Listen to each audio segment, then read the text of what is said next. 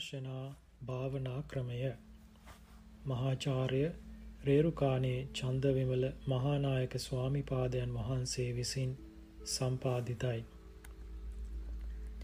සංඥාපනය බෞද්ධයකු වීමෙන් ලැබිය යුතු උසස් ප්‍රතිඵල ලැබිය හැකි වනුයේ භාවනාවෙනි. දන්දීමෙන් හා සිල් රැකීමෙන් ලැබිය හැකි පලද භාවනාවෙන් ලැබිය හැකි නමුත් භාවනාවෙන් ලැබිය යුතු උසස් පල භාවනාවෙන්ම මිස දන්දීමෙන් සිල් රැකීමෙන් නොලැබිය හැකිය. භාවනාවෙහි යෙදෙන්නෙකුට එයින් ලැබෙන පල පරලොවදීම නොව මෙලොවදීද ලැබෙන්නේය. ක්‍රමාණුකූල කොට භාවනාවෙහි යෙදෙන තැනැත්තේ ධ්‍යාන මාර්ග ආදී උසස් ඵල නොලැබුයේද ඉන් මොබ ලැබිය හැකි බොහෝ අනුහස් මෙලොවදීම ලබන්නේය. භාවනා ඵලය ගෘහස්ත ප්‍රවෘජිත ස්ත්‍රී පුරුෂ හැම දෙනාටම නොවෙනස්ව ලැබිය හැකිය. ක්‍රමානුකූලව භාවනාවෙහි කලක් යෙදුනහොත් සිත කය දෙක භාවනාවට හැඩගැසුණු පසු ඒ තැනැත්තා හට භාවනාව මහත් සුවයක් වන්නේය.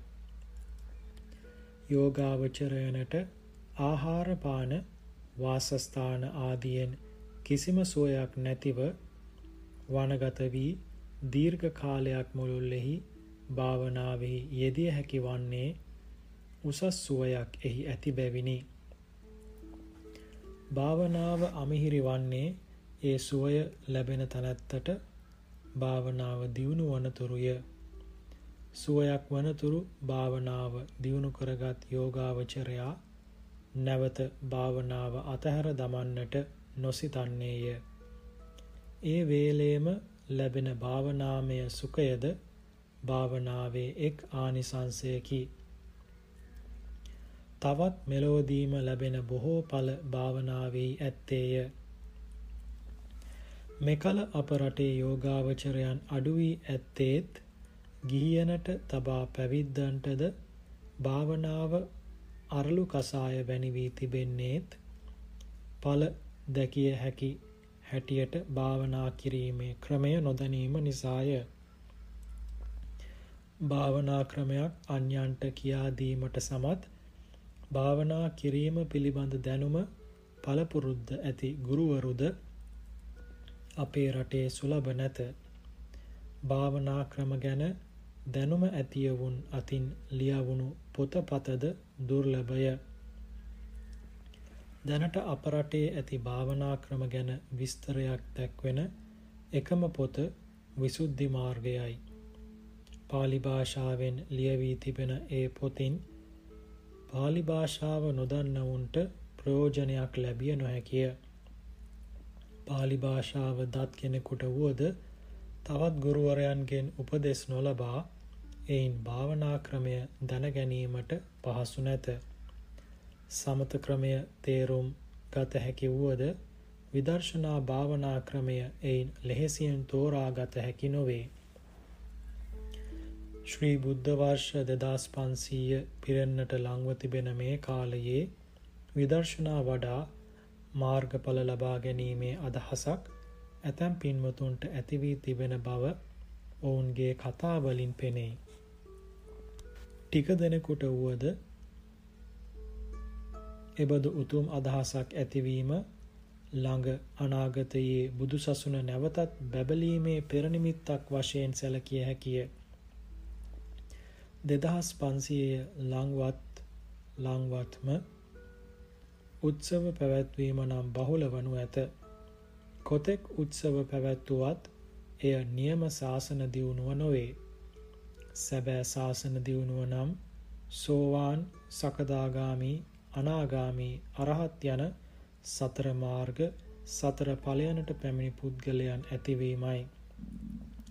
ආර්ය පුද්ගලයන් පහළ නුවද මාර්ග අධිගමය සඳහා විදර්ශනා වඩන පුද්ගලයන් බහුල වුවහොත් එයද මනා ශාසන දියුණුවක් හැටියට සැලකිය යුතුය.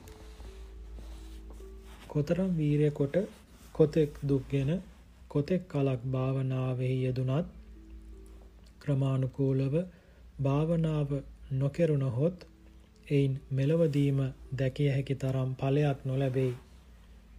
ඉක්මනින් ඵල දැකීමට නම් භාවනා ක්‍රමය નિවරදිව හොඳින් දැනගන්න දැනගෙන භාවනා කළ යුතුය.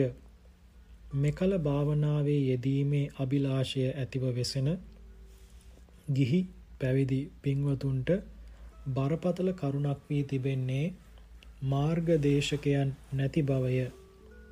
ඒ පින්වතුන්ට අපගේ ශක්ති පමණින්වත් උපකාරී වීමේ අදහසින් අප විසින් විදර්ශනා භාවනා ක්‍රමය නැමැති මේ ග්‍රන්ථය සම්පාදනය කරන ලදී.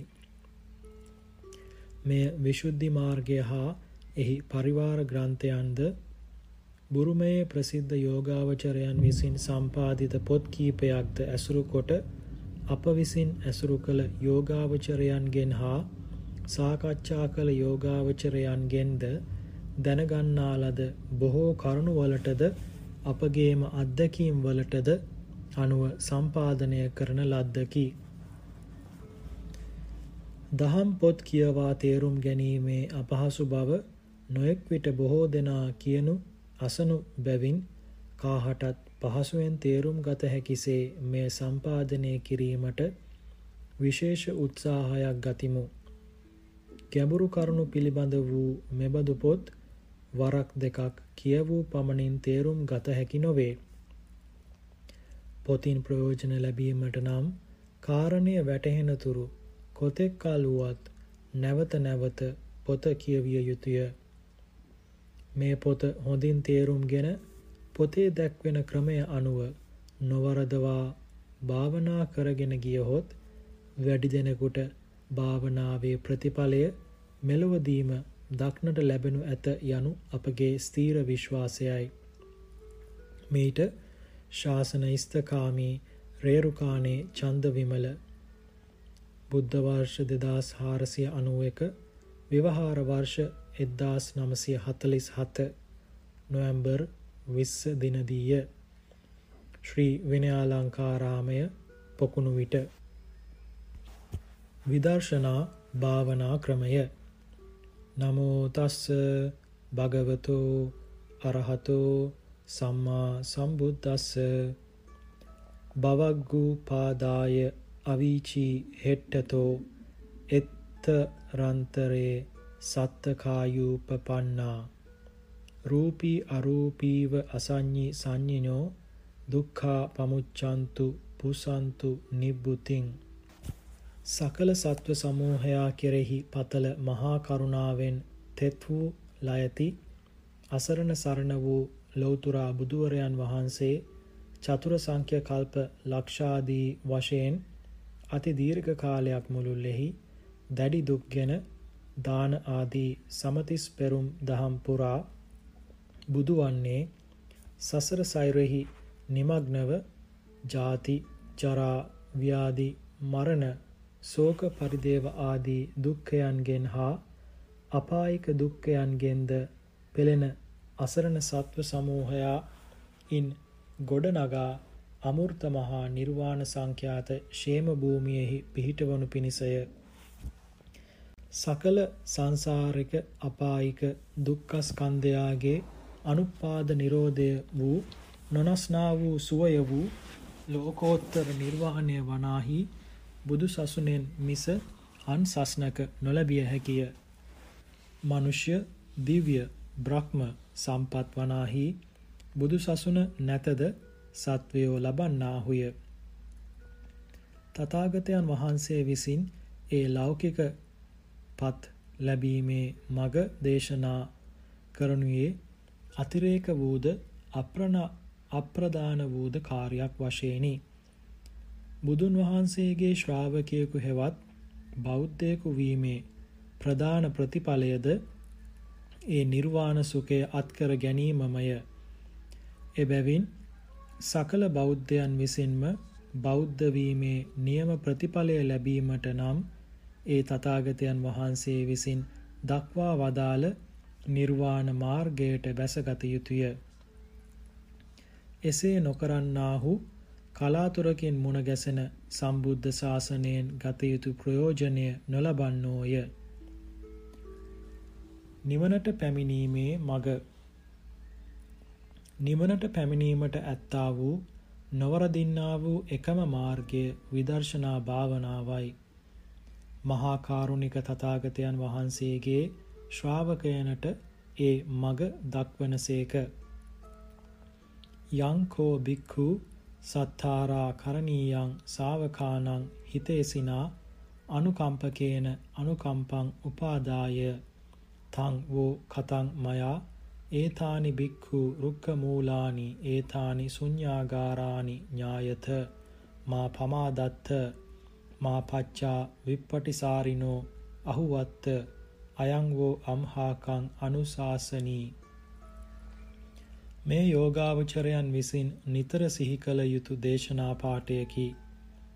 එහි තේරුම මහන ශ්‍රාවකයන්ගේ යහපත සොයන්නා වූ ශ්‍රාවකයනට අනුකම්පා කරන්නා වූ ශාස්ත්‍රූවරයෙකු විසින් ශ්‍රාවකයන්ට අනුකම්පාව නිසා යමක් කළ යුතුද? එය අප විසින් කරන ලද්දේය. මහන මේ වෘක්ෂ මූලයෝය. මේ ශුන්‍යාගාරයෝය. භාවනා කරව්. ප්‍රමාද නොවව්. ප්‍රමාද වී පසුතැවිලි නොවව්. මෙය අප විසින් තොපට කරන අනුශාසනාවයි යනුයි. වන්දනා කිරීම මල් පහන් පිදීම සාංගික දාන දීම ප්‍රතිමා ගෘහ දහම්හල් සංඝාවාස කරවීම පන්සිල් රැකීම පොහොය අටසිල් රැකීම යන ආදී පින්කම් කොට නිවන් පතා ලෙහෙසියෙන්ම නිවන් ලැබිය හැකියයි. ඇතැමුන් සලකතත් විදර්ශනා වඩා සතර ලෝකෝත්තර මාර්ගඥානය උපදවා එයින් මතු භවයෙහි ඉපදීමට හේතුවන කෙලෙසුන් මතු නූපදිනා ආකාරයෙන් නැසීමෙන් මිස අන් ක්‍රමයකින් නිවන නම් නොලද හැකියමය. මලක් පහනක් පුදා ප්‍රාර්ථනා කොට ලෙහෙසියෙන්ම නිවන් ලැබිය හැකි නම් මහා කාරුණික වූ තථාගතයන් වහන්සේ තමන් වහන්සේගේ ශ්‍රාවකයන්ට ඒ ලෙහෙසි ක්‍රමයම නොදක්වා වෘක්ෂ මූලයනට ශුන්‍යාගාරයනට වී භාවනා කොට දුක් ගන්නට නොවදාරණ සේක සිල් රැකීමෙන් පමණක් නිවන් නොලද හැකි බව ඇතමෙක් දානය වර්ණනා නොකරති නිවන් ලැබීම පිණිස සීලයම මහත් කොට දක්වති. සීලයෙන්ම නිවන් දක්නට බලාපොරොත්තු වෙති. ශීල පාරිශුද්ධයෙන්ම නිවන් දැකිය හැකි නම් තථාගතයන් වහන්සේ මෙය නොවදාරණ සේක. ආකංකේය චේ භික්ඛවේ භික්ඛු ආසවානං කයා අනාසවං චේතෝ විමුත්තං පඤ්ඤා විමුක්තිං දිත්තේව ධම්මේ සයං අභිඤ්ඤා සච්චිකත්වා විහරෙය්‍යන්ති සීලස්ස වේව පරිපූර්ණකාරී අජ්ජත්තං චේතෝ සමත මනුයුත්තෝ අනිරා කතජ්ජනෝ විපස්සනාය සමන්නාගතෝ බ්‍රූහෙතෝ ශුඤ්ඤාගාරාණං තේරුම මහණෙනි කාම ආදී ආශ්‍රවයන් ෂය කිරීමෙන් ආශ්‍රව රහිත වූ අරහත් ඵල චේතෝ විමුක්තිය ප්‍රඥා විමුක්තිය ඉහත ආත්මයෙහිම තෙමේම දැන ප්‍රත්‍යක්ෂ කොට වාසය කෙරෙමි යන මෙයට ඉදින් කැමති වන්නේ නම් සීලයම සම්පූර්ණ කරන්නා වූ තමාගේ සිත සමාධි කිරීමෙහි යෙදුනා වූ නොනසන ලද ධාන ඇත්තා වූ විදර්ශනාවෙන් යුක්ත වූ ශුන්‍යාගාරයනට වී භාවනා කරන්නා වූ තැනැත්තෙක් වන්නේය යනු එහි තේරුමයි. ඉදින් සීලයෙන්ම රහත් විය හැකි නම් චිත්ත සමාධියක් විදර්ශනාවක් ශුන්‍යාගාරයනට වී භාවනා කිරීමක් වදාරන්නට කරුණක් නැත. බුදුන් වහන්සේ විසින් දාන සීල යන්ගේ අනුහස් දෙසූ සූත්‍ර ධර්මවල කායස්ස බේදා පරම්මරණා සුගතින් සග්ගං ලෝකං uppajjati යනාදීන් දානයන් හා සීලයෙන් භව සම්පත්තිය ලැබෙන බව දේශිත තැන් මිස නිවන ලැබෙන බව දේශිත තැන් දක්නට නැත. බුදුන් වහන්සේ විසින් නිවන් ලැබෙන බව දේශනා කර තිබෙනු දක්නට ලැබෙන්නේ අනිච්ච සංඥා භික්ඛවේ භාවිතා බහුලී කතා මහප්පලා හෝති මහානිසංසා අමතෝ ගදා අමත පරියෝසානා යනාදී භාවනා ආනිසංස දක්වන දේශනාවලමය. භවයේහි නිවන් නැත. නිවනෙහි ද භවය නැත. භව නිරෝධයම නිවනයි එබැවින් කුසලයෙන් ලබා දෙන භවය නිවනට විරුද්ධ දෙයකි නිවනට ප්‍රතිපක්ෂ දෙයක් ලබා දෙමින් සංසාරය තවත් දික් කරන්නා වූ භවගාමී කුසලයෙන් නිවන් ලබන්නට බලාපොරොත්තු වීම වැස්සෙන් වියලවා ගන්නට බලාපොරොත්තු වීමක් වැනිය. දානයෙන්, සීලයෙන්, ප්‍රාර්ථනාවෙන් නිවන් ලබන්නට උගන්වවුන් එසේ කරනුයේ. ඉදං මේ දානං ආසවක්්‍ය ආවහං හෝතුති ඒවං පන විවට්ටං පත්තන්තේන විවට්ට වසේන ටපිතං අරහන්තම්පි පච්චේක බෝධි ඥානම්හි සබ්බං යුත ඥානම්පි ධාතුං සක්ඛෝති යේව දානං කලු සබාවේන සග්ග මානුස බෝගදං පරිණාම වෙසේනේව හෝති මොක්කූපනිස්සයං යන ආදී ධර්ම පාඨ වර්ධවා තේරුම් ගැනීමයයි සිටිය හැකිය. කොතෙක් දන් දී කොතෙක් සිල් රැක කොතෙක් ප්‍රාර්ථනා කළත් විදර්ශනා වඩා සතර මාර්ග ඥානයේ උපදවා మතු නූපදිනා පරිදි කෙලෙසුන් ප්‍රහාණය කිරීමෙන්ම මිස දානයෙන් සීලයෙන් ප්‍රාර්ථනාවෙන් කිසි කලෙක නිවන් නොලැබෙන බව දත යුතුය. සසර දුකින් මිදී නිවන් සුවය අත්පත් කරගනු කැමති සත්පුරුෂයෝ දානයෙන් සීලයෙන් ප්‍රාර්ථනාවෙන් නිවන් ලබන්නට සිට නොරැවටී තමන් ලත් මේ අගනා බුද්ධ උපාද කාලය නිකම්ම ඉක්ම යන්නට නොහැර හැකි පමණින්වත් විදර්ශනා භාවනාවෙහි යෙදෙත්වා දාන ආදී පින්කම් වලින් නිවන් නොලැබී යයි කී පමණින් පින්වලින් පලක් නැතයයි වරදවා නොගත යුතුය. පෘතජ්ජන සත්වයාට නිවන ඊතා දුරය. ඔහුට නිවන ලැබෙන කාලය නිශ්චය කළ නොහැකිය. සමහර විට මෙම જાතියේදීම ඔහුට නිවන ලැබිය හැකිය. සමහර විට කල්ප කෝටි ගණනෙකුදු නොලැබිය හැකිය. නිවනට යා නොහැකිව සසර සැරිසරන සත්වයා හට ලෞකික සැපවත් ලබා ගැනීමට පින් තිබිය යුතුය. එබැවින් තථාගතයන් වහන්සේ අලමේව දානාති ධාතුන් අලං පුඤ්ඤානි කාතුන් දේව භූතස්සපි උපකාරානි පුඤ්ඤානි. මනුස්ස භූතස්සපි උපකාරානි පුඤ්ඤානි. පබ්බජිතස්සපි උපකාරානි පුඤ්ඤානි. යනු වදාරන ලදී. තේරුම දන් දෙන්නට සුදුසුමය. පින් කරන්නට සුදුසුමය. දෙවි වූවහුටද පින් උපකාරය. මිනිස් වූවහුටද පින් උපකාරය. පැවිදි වූවහුටද පින උපකාරය යනු එහි අදහසයි. එම જાතියේදීම විදසුන් වඩා මගඵල ලබා නිවන් දක්නට සෑම සත්වයෝම සමර්ථ නොවෙති. එයට සමර්ථ වන්නෝ සුගතියෙහි ත්‍රි හේතුක ප්‍රතිසන්දියෙන් උපන් උපනිශ්‍රය සම්පද්ද ඇත්තා වූ පුද්ගලයෝය. ත්‍රි හේතුක ප්‍රතිසන්දියෙන් උපදින්නට හැකි වනුයේ කුසල බලේනි. බලවත් කුසල් නැති තැනැත්තා උපදිනුයේ අහේතුක හෝ දුහේතුක හෝ ප්‍රතිසන්දි චිත්තේනි. නිවන් දකිනු කැමති තැනැත්තා හට ත්‍රිහේතුක උප්පත්තියක් නොලදහොත් නිවන නොලැබිය හැකි බැවින් මගඵල ලැබීමට සුදුසු උප්පත්තියක් ඇති කර ගනු පිණිස ඔහු විසින්ද දාන ආදී පින්කම් කළ යුතුය. දාන ආදී කුසලයෝ යහපත් භවයක් ඇති කිරීම වශයෙන් නිර්වාණ ප්‍රතිලාභයටද උපකාර වෙති. එය වර්ෂාව ධාන්‍ය ඇතිවීමට උපකාර වීම මෙන් දත යුතුය. වර්ෂාව ධාන්‍ය ඇතිවීමට උපකාර වන බව නම් සත්‍යකි. එහෙත් එය දුරින් වන උපකාරයකි. වර්ෂාව ලොවට ධාන්‍ය ඇති කරන දෙයක් යැයි කිය හැකිමුත් කෙනෙක් වැසි වටද ගොවියෙකු ගොවිතැන් නොකළහොත් ධාන්‍ය නොලැබෙයි. ධාන්‍ය ලැබීමේදී ගොවියාගේ ගොවිකමම ප්‍රධාන හේතුවයි. එමෙන් නිවන් ලැබීමටද විදර්ශනා භාවනාව ප්‍රධාන හේතුවයි. දාන සීල ආදී පින් අප්‍රධාන හේතුය. මෙකලද මාර්ගඵල ලැබිය හැකි බව මෙකල විදර්ශනා වැඩීමෙන් පලක් නැත.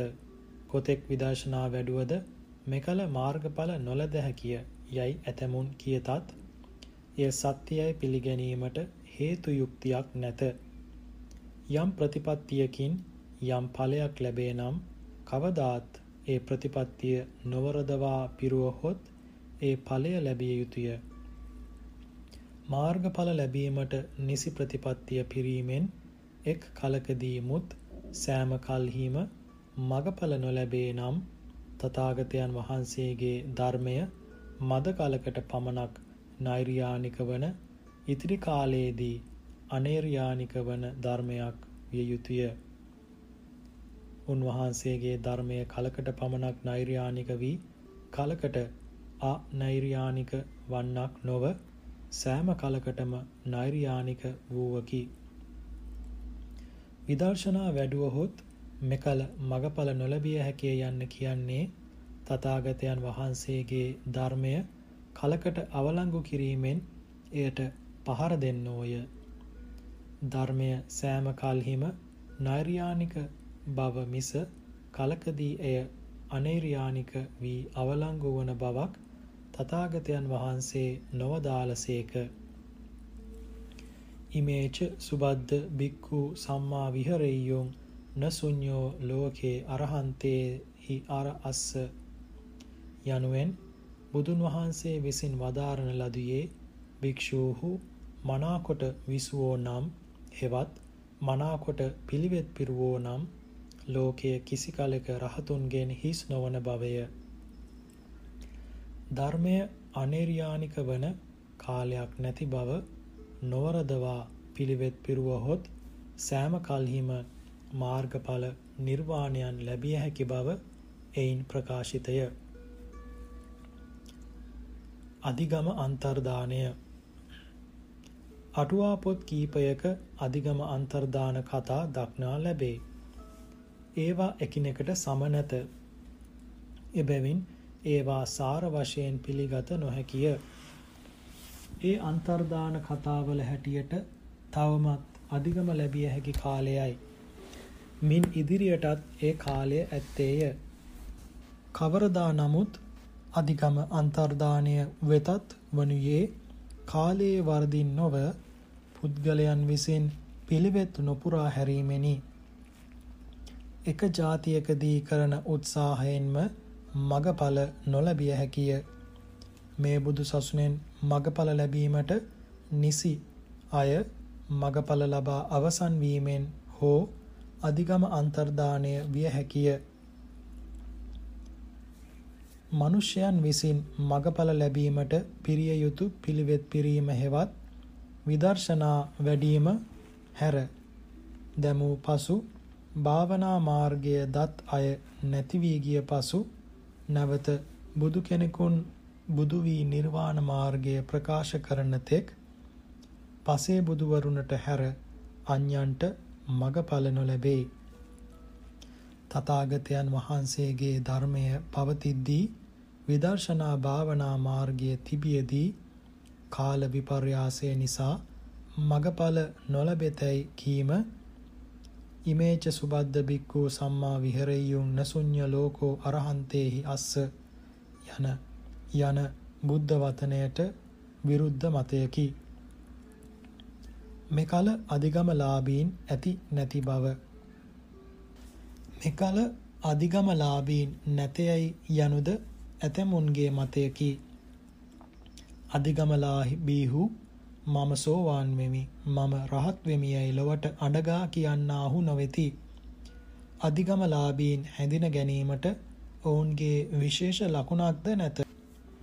බුද්ධ කාලයේහි ශ්‍රාවස්ත්‍ර ආදී නගරවල ලක්ෂ ගණන් අධිගමලාභී ගෘහස්තයෝ විසූහ.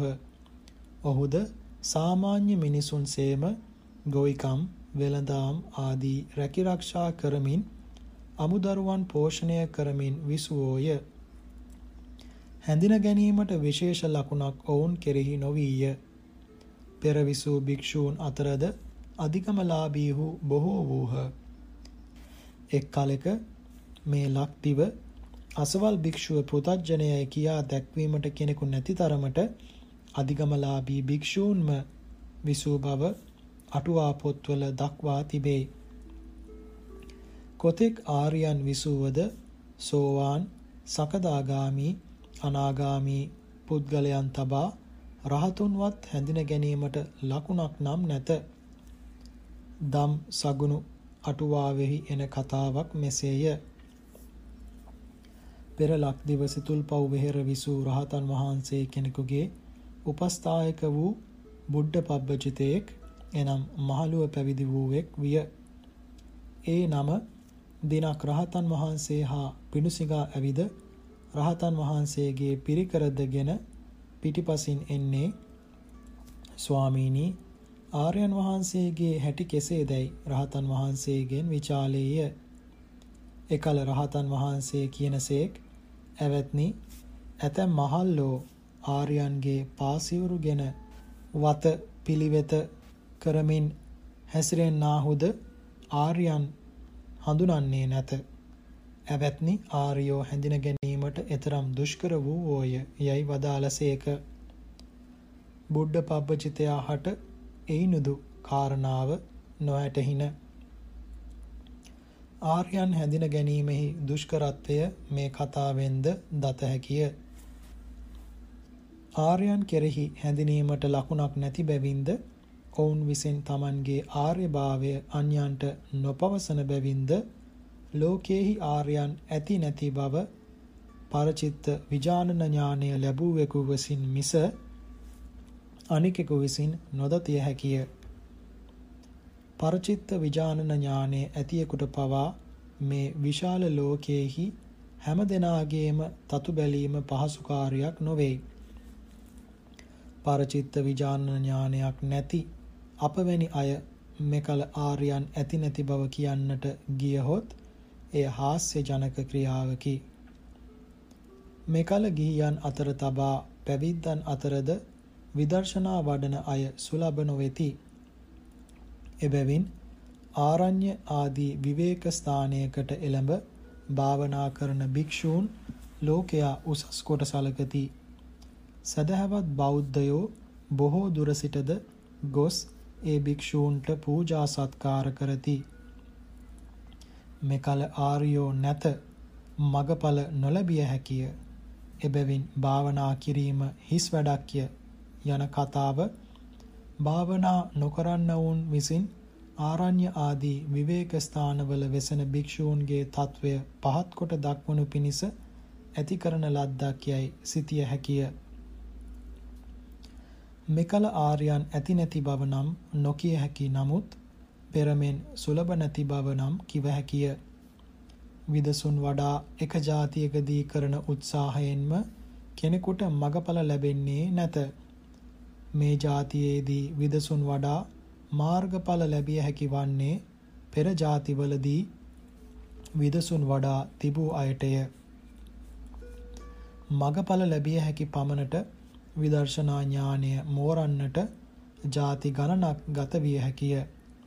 විදර්ශනා වැඩිම ආදී වශයෙන් පෙර જાතිවලදී පුරණ ලද පාරමිතා ඇතිව මගඵල ලැබීමට සුදුසුව විසු පින්වත් වූ බුද්ධ කාලයේදීද එයට සමීප කාලයේදීද සමූහ සමූහ වශයෙන් මගඵල ලබා නිවන් දුටහ බුදුන් වහන්සේ බුදු වී බොහෝ කල ඉක්ුත් වී ගිය බැවින් මගඵල ලැබීමට සුදුසුව විසූ අය දැනට බොහෝ සෙයින් මගඵල ලබා අවසන් වී යන්නට ඇත. තවත් ඇතනම් ඇත්තේ ස්වල්ප දෙනෙකි. මෙකල අධිගමලාභීන් මදවීමේ හේතුව ඒයයි සිතිය හැකිය. මෙකල විදසුන් වඩන්නවුන් අතර හේතු සම්පත් ඇති අය වුවහොත් ඔහු මේ જાතියේම මගඵල ලබා නිවන් දකිති. හේතු සම්පත් නැතිය වුනට එය මතු જાතියකදී මගඵල ලැබීමට හේතු වන්නේය.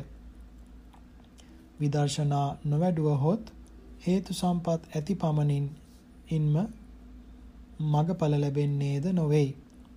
හේතු සම්පත් ඇති නැති බව නොදත හැකි කරුණකි. මගඵල ලැබීමට හේතු සම්පත් ඇතිවද විදසුන් නොවැඩීම නිසා බුදුන් කල බරණැස් නුවර විසූ මහදන සිටු පුත්‍රයා මෙන් බොහෝ දෙන ලැබිය හැකිව තිබෙන මාර්ගඵලයෙන් පිරිහෙති. බරණැස් නුවර 160 කෝටියක් ධනය ඇතිව සිටි ධනයෙන් මත්ව නොමනාසේ හැසිර සියලු ධනය නසාගෙන අන්තිමේදී වාසයට තැනක් නැතිව සිඟමනට වැටුණු මහදන සිටු පුත්‍රයා දැක බුදුන් වහන්සේ ආනන්ද ස්තවීරයන් වහන්සේට වදාරනසේක් ආනන්දය හිඟා කන මේ මහදන සිටු පුත්‍රයා බලව මොහුට ධනය නොනසා ප්‍රථම වයසෙහි කර්මාන්ත කර වූයේ නම් මේ නුවර අගසිටු වන්නට වාසනාව තිබුණේය. පැවිදි වී නම් සියලු කෙලෙසුන් නසා රහත්ව නිවන් දකින්නට තිබුණේය. ඉදින් මධ්‍යම වයසේදී කර්මාන්ත කරවී නම් මේ නුවර දෙවන සිටුවන්නටත් පැවිදි වී අනාගාමී නිවන් දකි වී නිවන් දකින්නටත් වාසනාව තිබින පශ්චිම වයසෙහි කර්මාන්ත කරවී නම් මේ නුවර තුන්වන සිටුවන්නටත් පැවිදි වී නම් සකදාගාමී මාර්ගයට පැමිණ නිවන් දක්නටත් තිබුණි යයි වදාළසේක. බුදු කෙනෙකුන් හමු වී දහම් අසන්නට ලදහොත් ලෙහෙසියෙන්ම මගඵල ලබා නිවන් දැකිය හැකියයි බොහෝ දෙනා සිතතත් එපමණකින් හැමදෙනාම නිවන් දක්නාහු නොවේති. බුදුන් වහන්සේ දිනපතා අලුයම කාලයේහි ලොව බලා වදාරා නිවන් දකින්නට හේතු සම්පත් ඇති සත්වයන් සොයා දහම් දෙසා ඔවුන් නිවනට මඟ පෙන්වති බුදුන් වහන්සේගෙන් දහම් අසන හැමදෙනම නිවන් දකිත් නම් ලෝකයේ එක් කොනක සිට අනෙක් කොනකට දහම් දෙසාගෙන යෑම මිස ධර්මාවබෝධය කර ගන්නට සමත් සත්වයන් සොයන්නට කරුණක් නැත. නිවන් දක්නට හේතු සම්පත් නැති ධර්මාවබෝධය කිරීමට නොසමත් පුද්ගලයා එක්වරක් නොව බුදුන් වහන්සේගෙන් දහස් වරක් බණ ඇසුයේද දහසක් බුදුවරයන්ගේ බණ ඇසුයේද මගඵල නොලබන්නේය.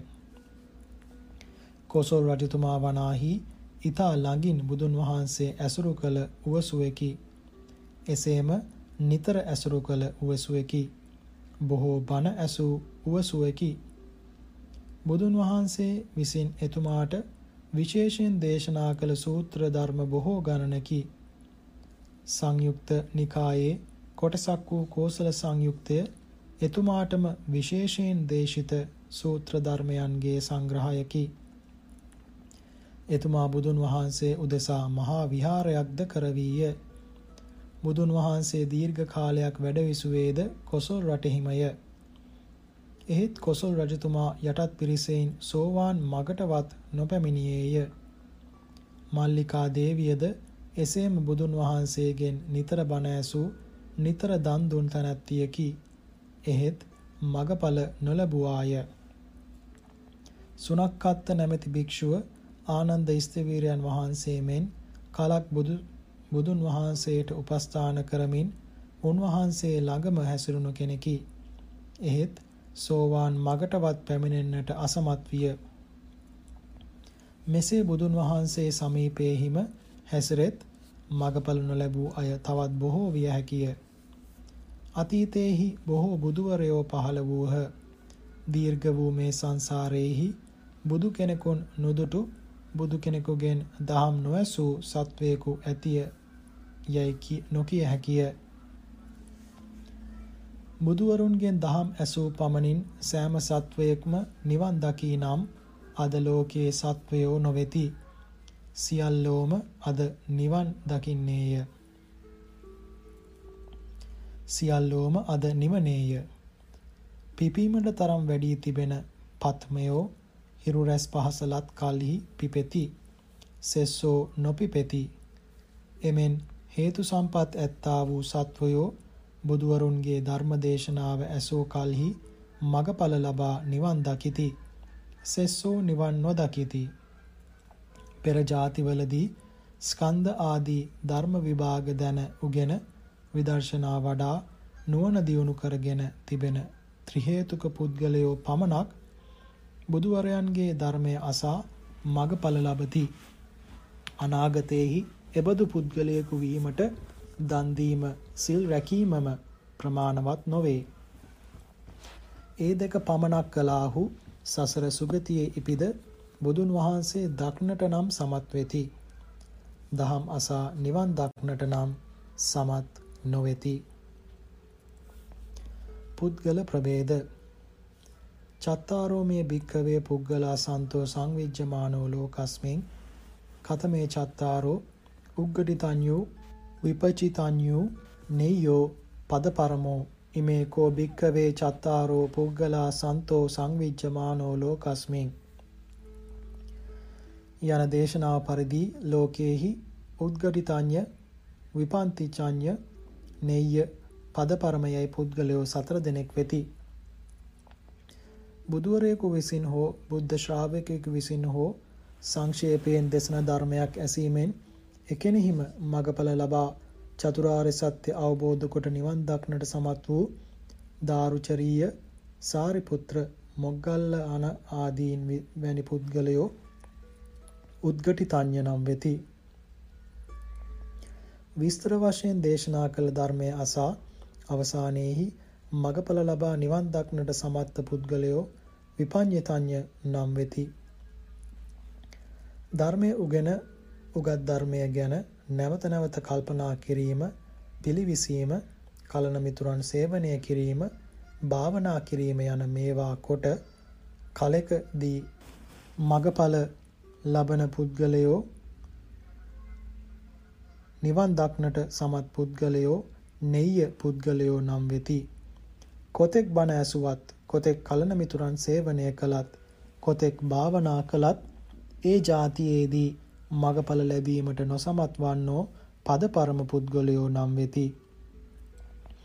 පෙර ಜಾතිවලදී භාවනා කිරීම ආදී වශයෙන් විදර්ශනා ඥානය බොහෝ දුරට දියුණු කරගත් පුද්ගලයෝ උග්ගටිතාඤ්ඤ පුද්ගලයෝ වෙති. මධ්‍යම ප්‍රමාණයෙන් දියුණු කර ඇත්තෝ විපන්තිචාඤ්ඤ පුද්ගලයෝ වෙති. මද වශයෙන් විදර්ශනා ඥානය ඇති කරගත්තේ නෙය්‍ය පුද්ගලයෝ වෙති. උපනිශ්‍ර සම්පත් නැත්තෝද අන්තරායික ධර්ම ඇත්තෝද පද පරම පුද්ගලයෝ වෙති. විදර්ශනා භාවනාව කළ යුත්තේ නෙය්‍ය පුද්ගලයන් හා පද පරම පුද්ගලයන් විසිනි. පද පරමයන් විසින් කළ යුත්තේ අනාගතය පිණිසය. මාර්ග අධිගමයනට අන්තරායික ධර්ම කර්ම අන්තරාය ක්ලේශ අන්තරාය විපාක අන්තරාය උපවාද අන්තරාය අඤ්‍ය ව්‍යත්‍රික්‍රමන අන්තරායයයි මාර්ග අධිගමයට අන්තරාය කර කරුණු පහක් වෙයි. පංච ආනන්තරීය කර්මය හා භික්ෂුණී දූෂක කර්මය කර්ම අන්තරායයි. කොතෙක් හේතු සම්පත් ඇතිව සිටියාහුද මෙයක් මෙයින් යමක් කලවුන්ට ඒ જાතියේදී කොතෙක් වීරිය කළත් මගඵල නොලැබෙයි. නියත මිත්‍යා දෘෂ්ටික වීම ක්ලේශ අන්තරාය වෙයි. නියත මිත්‍යා දෘෂ්ටිය ගෙන සිටින තැනැත්තා ඒ දෘෂ්ටිය හැර සම්‍යක් දෘෂ්ටිය ගතහොත් මගඵල ලැබිය හැකිය. ද්විහේතුක අහේතුක ප්‍රතිසන්දිය විපාක අන්තරායයි. එම જાතියේදී මගඵල ලැබිය හැක්කේ ත්‍රි හේතුක පුද්ගලයන්ට පමණකි. අකුසල කර්මයන් හා දුබල කුසල කර්මයෙන් ප්‍රතිසන්දි ලැබුවෝ අහේතුක ද්විහේතුක පුද්ගලයෝය. බලවත් කුසල බලයෙන් ලත් ප්‍රතිසන්දි ඇත්තෝ ත්‍රිහේතුක පුද්ගලයෝය. වර්තමාන මනුෂ්‍යයන් අතර ත්‍රිහේතුක පුද්ගලයෝ ඇතද නැතද යනු මෙකල පවත්නා එක් ප්‍රශ්නයකි.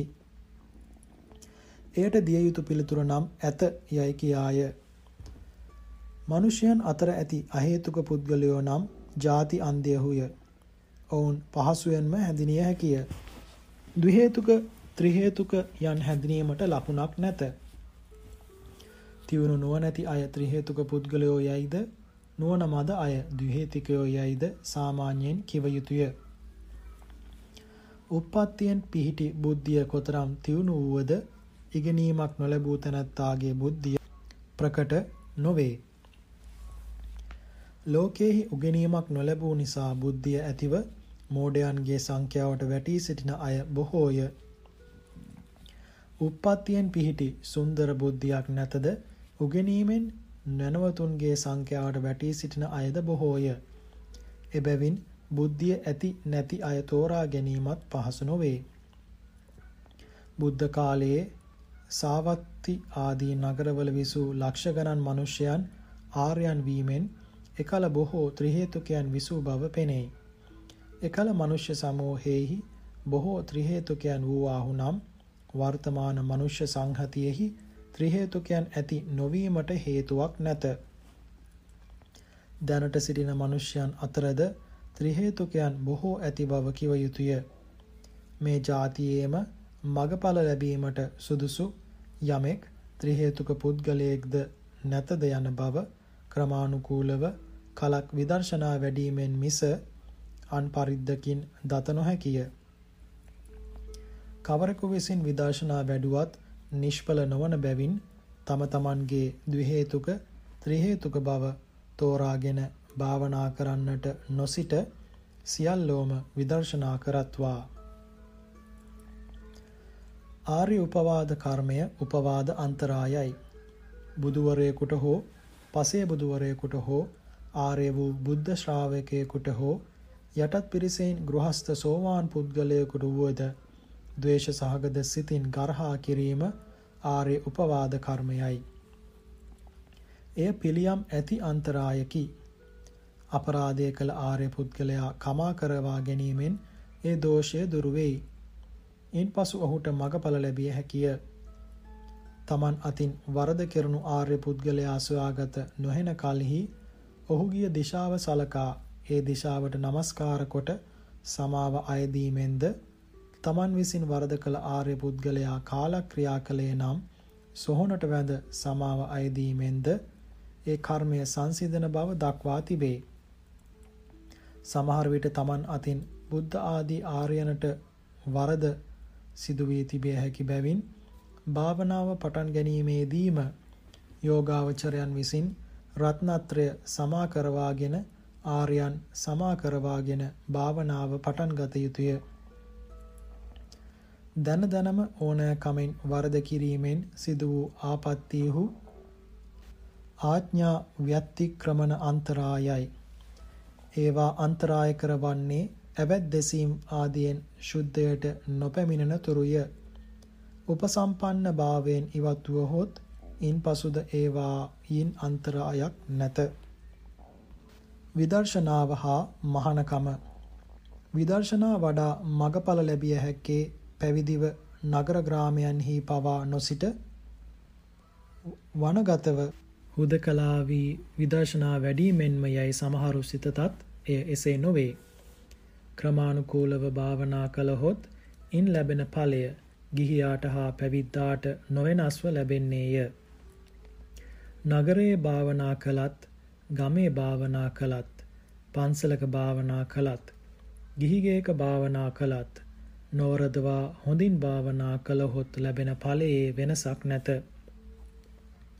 බුද්ධ කාලයේ බුදුන් වහන්සේ වෙතින් කමඨහන් උගෙන වස් කාලයේ භාවනා කරනු පිණිස කොසල් රට මාතික නම් ගමට පැමිණ වස් විසූ භික්ෂූන්ගෙන් මාතිකා නම් උපාසිකාවක් භාවනා ක්‍රම උගෙන භාවනා කොට ඒ භික්ෂූන්ට පෙරාතුවම අනාගාමී ඵලයට පැමිණ අන්තිමේදී ඒ භික්ෂූන්ට රහත් වීමටද උපකාරී වූවාය. භික්ෂූහුද අන්තිමේදී මහා උපාසිකාවගේ පිහිටෙන් රහත් වූහ. මෙසේ ගිහි පැවිදි කාහටත් මගඵල ලබා නිවන් දැකිය හැකි බැවින් මහණ වී ආරණ්‍යගතවම භාවනා කරන්නෙමු. යයි මහණ වීමට මං සොයමින් තැන් සොයමින් තැවි තැවි නොසිට කාලය අපතේ නොහැර සසර දුකින් මිදෙනු කැමැසි කැමැති ගිහි පින්වත් වූ ගිහිවම සිට තමන්ගේ රැකිරක්ෂා ආදිය කරමින්ම විදර්ශනා වැඩීමත් කෙරෙත්වා. රැකීරක්ෂා කිරීමක් නැතිව නිදහසේ විවේකීව භාවනා කළ හැකි තත්වයක් ඇතිනම් නිදහස්ව භාවනා කරන්නාහට වැඩි ඉක්මනින් ඵල දැකිය හැකිය. නිදහසක් නොලැබිය හැකි තැනැත්තා නිදහස ලබාම භාවනා කරමි යයි කියා සිටියහොත් ඒ තැනැත්තා භාවනාවෙන් පිරිහෙන්නේය. කොතෙක් වැඩ ඇති තැනැත්තෙකුට වුවද භාවනාව සඳහා දවසෙන් එක්තරා කාලයක් වෙන් කරගත හැකිය. එසේ වෙන් කරගෙන ඒ කාලයේදී භාවනා කරනු. භාවනාව පුරුදුවත් පුරුදුවත්ම නොඑක් වැඩ කරමින්ම භාවනාවද කළ හැකි වෙයි. නිවනට නොපැමිණීමේ හේතුව හා පැමිණිය හැකි ආකාරය විදර්ශනා නම් සසර දුකින් මිදී නිවනට පැමිණෙනු පිණිස කළ යුතු වැඩපිළිවෙලයි. එය කරන්නට යන තැනැත්තා විසින් විදර්ශනාව පිළිබඳ අවබෝධයක් ඇති කර ගැනීමට සත්වයා නිවනට නොපැමිණීමේ හේතුව හා එයට පැමිණිය හැකි ආකාරයද දත යුතුය. එබැවින් ඒ දෙක පිළිබඳ කරුණු ස්වල්පයක්ද දක්වනු ලැබේ. පංචස්කන්ධය තෙමේම දුක් රැසකි. සියලු දුක් ඇතිවන තැනද එයමය. පංචස්කන්ධය නැති වුවහොත් දුක් ඉපදීමට තැනක් නැති බැවින් එයින්ම සියලු දුක් කෙලවර වේ. නිවන නම් දුක් කෙලවර වීමෙන් ලැබෙන විමුක්ති සුඛයයි. එනම් නිදහස් සැපයයි. පරණ පරණ ස්කන්ධ නැතිවනු සමගම ජාතියෙන් ජාතිය නැවත නැවත ඉපදීම් වශයෙන් අලුත් අලුත් ස්කන්ධයන් ලැබීම නිවන් නොලැබීමේ හේතුවයි. නිවන් සොයන තැනැත්තා විසින් එය ලබනු සඳහා කළ යුත්තේ අලුත් අලුත් ස්කන්ධයන් ලැබීම හෙවත් නැවත නැවත ඉපදීමේ හේතුව සොයා එය නැති කිරීමයි. නැවත නැවත ඉපදීමේ හේතුව තෘෂ්ණාව බව සියල්ලදත් බුදුන් වහන්සේ වදාළසේක. දැන් දත යුත්තේ ඒ තෘෂ්ණාව කුමක්ද? ඒ නිසා නැවත නැවත ඉපදීම වන්නේ කෙසේද යන කරුණු දෙකයි. තෘෂ්ණාව යනු ඒ ඒ දෙයට කැමැතිවන ඇලුම් කරන ස්වභාවයයි. ඒ තෘෂ්ණාව ධර්ම වශයෙන් එකක් වුවද එහි ඇති ආකාර නානත්වය නිසා එයට නොඑක් නම් කියති. ලෝභය, රාගය, ඕනෑකම, ආසාව, ආලය, ආදරය, ප්‍රේමය යන මේවා එයට කියන නම් වලින් සමහරකි. ධර්ම වශයෙන් එකක් වූ තෘෂ්ණාව සත්වයා කෙරෙහි බලපැවැත්වීමේ ප්‍රමාණය අනුව වර්ග තුනක් කොට කිය යුතුය. ජීවත් වීමේ ආශාව පළමුවන අංකයට ගැනෙන තෘෂ්ණාවයි. එය නම් තමා එක්තරා කෙනෙකු හැටියට ලෝකයේ විසීමට ඕනෑකමය. හොඳයයි සලකන රූප, ශබ්ද ආදියෙන් තමාගේ ඉන්ද්‍රියයන් පිනවා ගැනීමේ ආශාව දෙවන අංකයට ගැනෙන තෘෂ්ණාවයි. ඉන්ද්‍රයන් පිනවා ගැනීමට උවමනා වන අමුදරු, නෑමිතුරු, ඇත් අස්, ගව ආදී සත්වයන් හා ඇඳුම් පැළඳුම්, කෑම් බීම්, යාන වාහන ගෙවල්, රන් රිදී මුතුමැණික් මිල මුදල් ආදිය පිළිබඳ ආසාව තුන්වන අංකයට ගැනෙන තෘෂ්ණාවයි. මේ තෘෂ්ණා තුන අතුරෙන් ජීවත් වීමේ ආසාව වූ පළමුවන අංකයට ගැනෙන තෘෂ්ණාව ඊට බලවත්ය. එය ප්‍රහාණය කිරීමටද අතිශයින් දුෂ්කරය. සත්වයා කාලක්‍රියා කරනුයේ ඒ තෘෂ්ණාව තිබියදීමය. ඒ නිසා කාලක්‍රියා කරන සත්වයාගේ වර්තමාන භවයට අයත් අන්තිම සිත නිරුද්ධ වීමට අනතුරුවම දෙවන જાතියෙහි ඉපදීම වශයෙන් ඔහුට නැවතත් අභිනව විඥානයක් පහළ වෙයි. ලෝකයේ දෙස බැලීමේ ආසාවය, හඬ ඇසීමේ ආශාවය, ගන්ධයන් ආග්‍රහණය කිරීමේ ආසාවය, රසයක් වැළඳීමේ ආසාවය, ස්පර්ශය ලැබීමේ ආසාවය, ලෝ තතු දැනගැනීමේ ආසාවේ යන මේවා ඔහුට ඇති බැවින් රූප, ශබ්ද ආදී අරමුණු ගැනීමට උපකාර වන චක්කු ආදී ඉන්ද්‍රිය සහිත වූ ශරීරයක් ඔහුට පහළ වෙයි. මෙසේ උපන් පසු දෙවන જાතියේදී ඔහුට ඒ තුන් ආකාර තෘෂ්ණාවම අඩුවක් නැතිව ඇතිවන බැවින් එයින් චුත වූ කලෙහි තුන්වන වරටද හෙතෙම උපදින්නේය. ඉදිරියටද ඒ තෘෂ්ණාව පවත්නාතුරු හෙතෙමේ නැවත නැවතත් උපදින්නේමය. නිවනට නොපැමිණෙන්නේය. කවර කලෙක හෝ ඒ සත්වයා තෘෂ්ණාව ප්‍රහාණය කළේ නම් ඔහුට අලුත් ස්කන්ධ ලැබීමක් නොවන්නේය. එබැවින් නැවත නැවත ඉපදීමේ හේතුව තෘෂ්ණාව බව දත යුතුය. නිවනට පැමිණීමට කළ යුතු එකම දෙය නම් සත්වයා හට නැවත නැවත ස්කන්ධ ලබා දෙන ඒ තෘෂ්ණාව නැති කිරීමය. තෘෂ්ණාවද යම් කිසි හේතුවක් නැතිව ඉබේම ඇතිවන්නක් නොව යම් කිසි හේතුවක් නිසාම ඇතිවන දෙයකි. ඒ හේතුව සොයා එය නැති කිරීමෙන්ම මිස අන් ක්‍රමයකින් එය නැති කළ නොහැකිය. දන් නොදීමවත් සිල් නොරකීමවත් තෘෂ්ණාව ඇතිවීමේ හේතු නොවන බැවින් දන් දීමෙන් හෝ සිල් රැකීමෙන් හෝ ඒ තෘෂ්ණාව දුරු කළ නොහැකිය. දන් දීමෙන්ද එක්තරා විදියක තෘෂ්ණාවක් දුරවන බව නම් සත්‍යකි. එහෙත් මතු ඉපදීමට හේතු වන ප්‍රධාන තෘෂ්ණාව ඉන් දුරු නොවේ. ඉන් දුරවන්නේ දෙන වස්තුව පිළිබඳ තෘෂ්ණාව පමණකි. දීම කර්මයක් වන හේයින් එය මතු භවයේහි උපදවන ප්‍රධාන තෘෂ්ණාවට මරණින් මතු දෙවන જાතියකට පැමිණවීමට උපකාර වන දෙයක්ම වෙයි.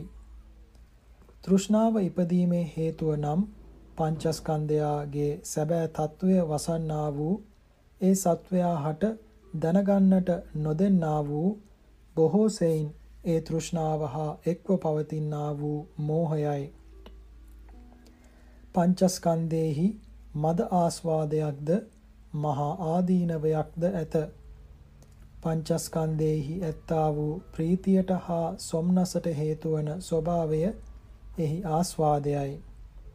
උපදවා ගැනීමට දුක් විය යුතු බව, දුකින්ම උපදනා බව, උපන් පසු බොහෝ දුක් ගැන ආරක්ෂා කළ යුතු බව, කොතෙක් උත්සාහ කොට කොතෙක් වෙහෙසි කොතෙක් දුක් ගැන ආරක්ෂා කළත් දිරණ බිඳන බව අනේක දුක්ඛයන්ට වස්තු වන බව එය පවත්නා තාක් නිදහසක් නොලැබිය හැකි බව යන ආදිය පංචස්කන්ධයාගේ මහා ආදීනව රාශියයි. තවත් ක්‍රමයකින් කියතහොත් සංස්කාර දුක්ඛ විපරිණාම දුක්ඛ දුක්ඛ දුක්ඛ සංඛ්‍යාත ත්‍රිවිධ දුක්ඛයෙන් නිරන්තරයෙන්ම පෙළෙන බව සත්වයන් විසින් ඇතයයි සිතන නিত্য සුඛ සුභ ආත්ම ස්වභාවයන් එහි නැති බව පංචස්කන්ධයාගේ ආදීනව රාශියයි. පංචස්කන්ධයේ මෙසේ මහා ආදීනව රාශියකින් යුක්ත බැවින් ඇලුම් කල යුත්තක් නොව බිය විය යුත්තකි. සතුටු විය යුත්තක් නොව පිළිකුල් කල යුත්තකි. බිය විය යුතු පිළිකුල් කල යුතු පංචස්කන්ධයට සත්වයන් බිය නොවි ඇලුම් කරන්නේ නොකල කිරන්නේ බිය යුතු බව පිළිකල් කළ යුතු බව වූ එහි සැබෑ తත්වය වසාගෙන සිටින මෝහය නිසාය.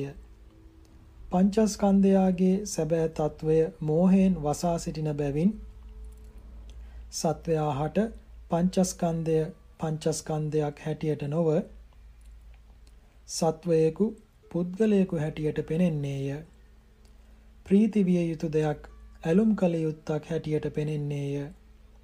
මෝහයෙන් පංචස්කන්ධ తත්වය වසා සිටින තාක්ම සත්වයා කෙරෙහි ඒ වැරදි වැටහීම වැරදි හැඟීම පවතින්නේය.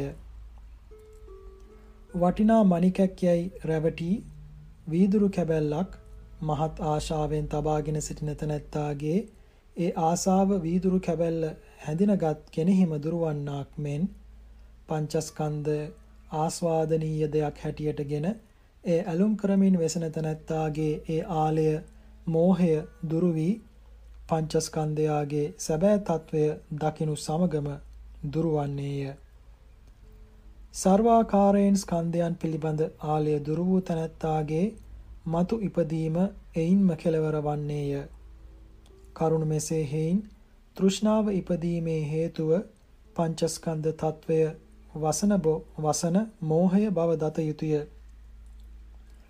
මෝහය දුරු කර ගත හැකි වන්නේ ක්‍රමයෙන් පංචස්කන්ධයාගේ සැබෑ తත්වය සෙවීමෙනි. යම් විටක පංචස්කන්ධයාගේ සැබෑ తත්වයේ දුටුවේ නම් ඒ කල්හි මෝහය දුරු වෙයි. විදර්ශනා වැඩිම යනු මෝහය දුරු කරනු පිණිස අනුක්‍රමයෙන් පංචස්කන්ධයාගේ සැබෑ తත්වය සෙවීමයි.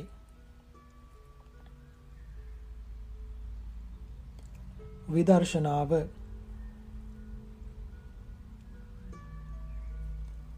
විදර්ශනය යනු දැකීමටත් දැනීමටත් නමකි. ස්කන්ධයන් සත්ව පුද්ගල ගෘහ පෘථවි පර්වත වෘක්ෂ යනාදී වශයෙන් දක්නා වූ සාමාන්‍ය දැනීම දර්ශනය නම් වෙයි. ඒ ස්කන්ධ පංචකයට අයත් නාම රූප ධර්මයන්ගේ වෙන් වූ ලක්ෂණද අනිත්‍ය ආදී සාධාරණ ලක්ෂණද දන්නා වූ ඥානය සාමාන්‍ය දර්ශනයට වඩා විශිෂ්ට බැවින් විදර්ශනා නම් වෙයි. තවත් ක්‍රමයකින් කියතහොත් ස්ත්‍රී පුරුෂ සත්ව පුද්ගල ආදී වශයෙන් සාමාන්‍ය ලෝකයා විසින් දක්නා දේවල් අභ්‍යන්තරය විනිවිද දක්නා වූ සැබෑ తත්වය දන්නා වූ ඥානය විදර්ශනා නම් වෙයි. විදර්ශනා ඥානය ඇති කර ගැනීම සඳහා කරන වැඩපිළිවෙල විදර්ශනා භාවනාව නම් වේ. වැඩි යුතුය යන අර්ථයෙන් විදර්ශනා ඥානයටම විදර්ශනා භාවනා යයිද කියනු ලැබේ. යෝග යනුද ඒ භාවනා කර්මයට ව්‍යවහාර කරන වචනයකි. එබැවින් භාවනා කරන තැනැත්තාහට යෝගී යයිද යෝගාවචර යයිද කියනු ලැබේ. යම්කිසි ශාස්ත්‍රයක් උගන්නා තැනැත්තා විසින් එය කෙලවර වනතුරු පාඩමෙන් පාඩම පිළිවෙලින් උගත යුතුවාක් මෙන්ම මෙම විදර්ශනා භාවනාවද පාඩමෙන් පාඩම හෙවත් කොටසින් කොටස පුහුණු කිරීම වශයෙන් ඉදිරියට ගෙන යා යුතු දීර්ඝ භාවනා ක්‍රමයකි. එය සම්පූර්ණ කර ගැනීමට කලක් ගත වෙයි. අලස වී අතරමඟදී නොනවත්වා අවසානයේ තෙක්ම භාවනා කරන්නට සසර දුකින් මිදනු කැමැති පින්වත් වූ උත්සාහ කෙරෙත්වා විදර්ශනා වැඩිම පිළිබඳ උපදෙස් භාවනා කරනු කැමැති තැනැත්තා විසින් එයට කාලයක් වෙන් කරගෙන ඒ කාලය තුලදී දිනපතා භාවනා කළ යුතුය. එය පෑ භාගයකට අඩු නොවන කාලයක් විය යුතුය.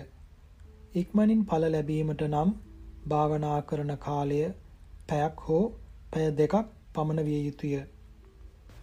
කලාතුරකින් දවසක් පමණක් භාවනා කරන භාවනාවෙන් මෙලොවදී ඵලයක් නොදකිය හැකිය. භාවනාවට ඊතා යෝග්‍ය වන්නේ ජන ශූන්‍ය නිස්සබ්ද ස්ථානයි. එබඳු තනක් නොලැබිය හැකි කලෙහි අන්‍යයන් ශබ්ද නොකරන විවේක කාලයක් ඒ සඳහා තෝරාගත යුතුය.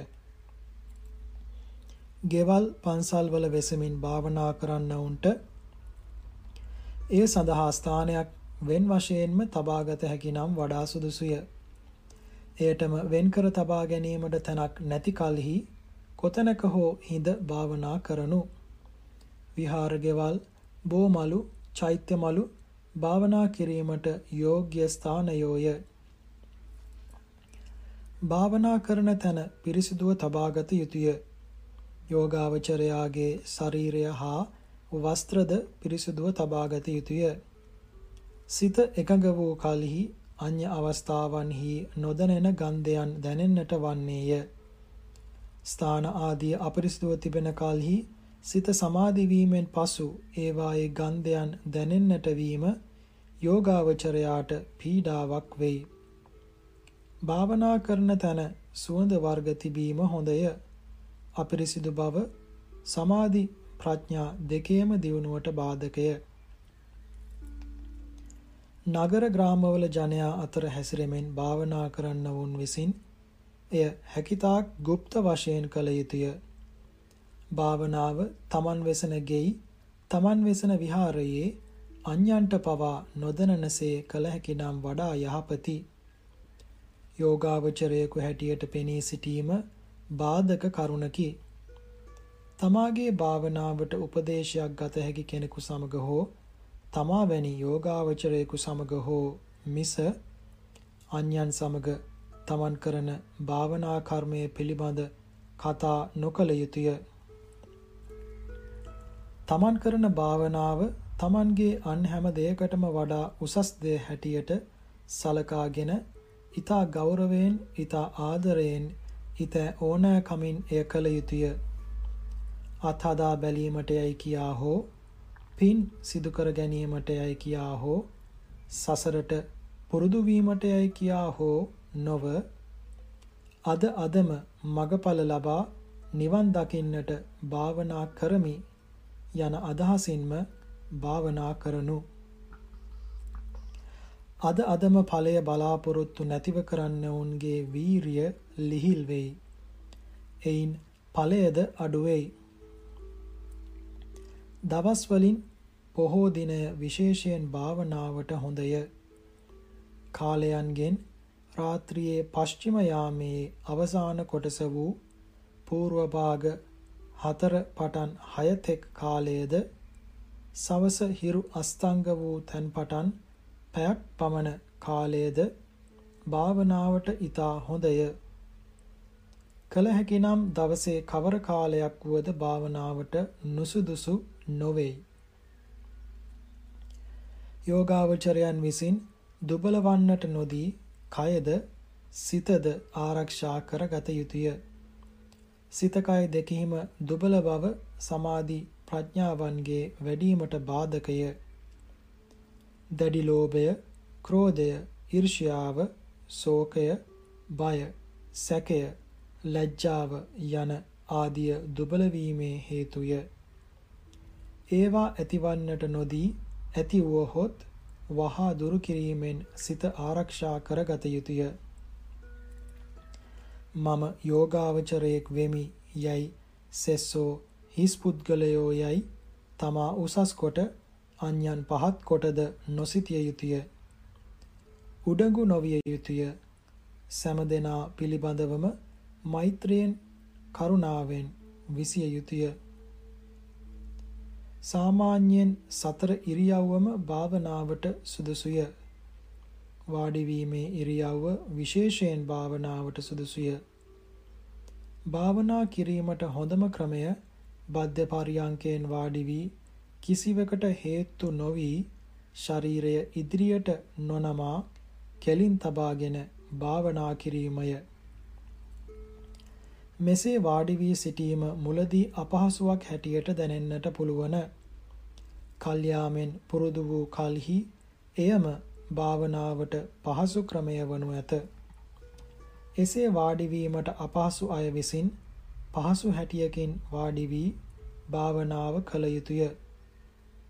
බද්ධ පරියංකයෙන් විසීමට ක්‍රමයෙන් පුරුදු කරගත යුතුය. ස්ත්‍රීන්ට අර්ධ පරියංකය යයි කියන පතුල් දෙක පිටිපසට යනසේ වාඩි වීම හොඳ බව කියා තිබේ. බංකු පුටු ආදීෙහි පා දෙක පහතට හෙලා වාඩි වීමේ ක්‍රමය ස්ත්‍රී පුරුෂ දෙපක්ෂයටම සුදුසුය. යමෙකුට යම් ක්‍රමයකින් වාඩි වීමෙන් වේදනා ඇතිවේ නම් ඒ ක්‍රමය ඔහුට සුදුසු නැත. තමා තමාට පහසු ක්‍රමයකින්ම භාවනා කරත්වා. භාවනා කරගෙන යන කලෙහි සමහරු පළමු සිටියාටද වඩා නිරෝගී වෙති. ස්ථූල වෙති. ශරීරයට එය හුරුවන්නට මත්තෙන් සමහරුන්ට එයින් යම් යම් රෝගයෝද හටගනිති.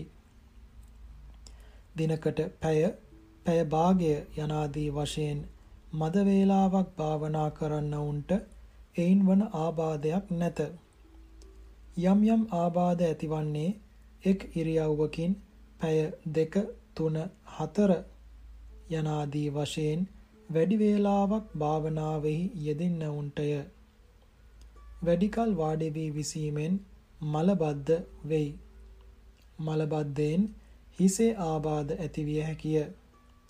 එසේ වුවහොත් මල බුරුල් කරන ආහාර පාන ගත යුතුය. සුළු බෙහෙතක් හෝ ගත යුතුය. යෝගාවචරයන් විසින් විශේෂයෙන්ම හිස පරිස්සම් කරගත යුතුය. හිසේ බරගතිය, හිස රදය, ක්ලාන්තය ආදී හිසේ ආබාධ ඇති වුවහොත් తాවකාලික වශයෙන් භාවනාව නවත්වා ඒවා සුව වූ පසු නැවත භාවනාව පටන් ගත යුතුය. යෝගාවචරයන්ට සමහර විට බඩේ පපුවේ වාත වේදනා ඇති විය හැකිය. එසේ ඇති වී නම් ඒවාට වැඩි වෙදකම් කරන්නට නොයා යුතුය. භාවනාව නවත්වා දින කීපයක් විසූ කලෙහි ඒවා ඉබේම සුවවනු ඇත. නොනවත්වාම කලක් භාවනා කළ හැකි වන්නේ ඊතා ටික දෙනෙකුටය. ඇතිවන ආබාධ නිසා සෙස්සන්ට නොයෙක් විට භාවනාව නවත්වන්නට සිදුවෙයි.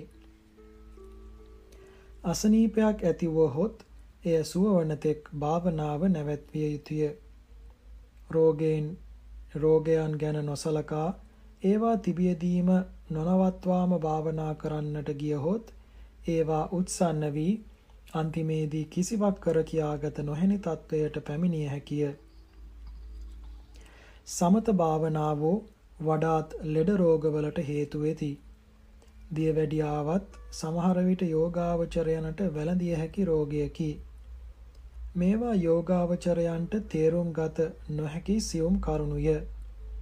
යෝගාවචරයෙකුට මුත්‍ර යෑමේ අධික වුවහොත් ඒ ගැන විශේෂයෙන් කල්පනා කර ප්‍රතිකාර ගත යුතුය. රෝගය පවතිද්දී භාවනා කරන්නට නොයනු උමතු බව හා භාවනාව භාවනා කිරීම උමතු වීමේ හේතුවක් යයි ඇතැම්හු භාවනාවට බිය වෙති. එය අහේතුක බියකි. කලක් භාවනා කරමින් සිට උමතු බවට පත් වූ හැම දෙනම භාවනාව නිසා උමතු වූවෝ නොවෙති. උමතු බව නැමැති මේ රෝගය සමහරුන්ට පටන් ගැනීමේදීම බලවත්ව හටගනී. සමහරුන්ට මේ රෝගය ඊතා සෙමෙන් වැළඳෙන ඊතා සෙමෙන් වැඩෙන රෝගයකි. සමහර විට රෝගය වැළඳී අවුරුදු ගණනක් යනතුරු අන්‍යයන්ට තේරුම් ගත හැකි පමණට රෝගය නොවැඩෙයි.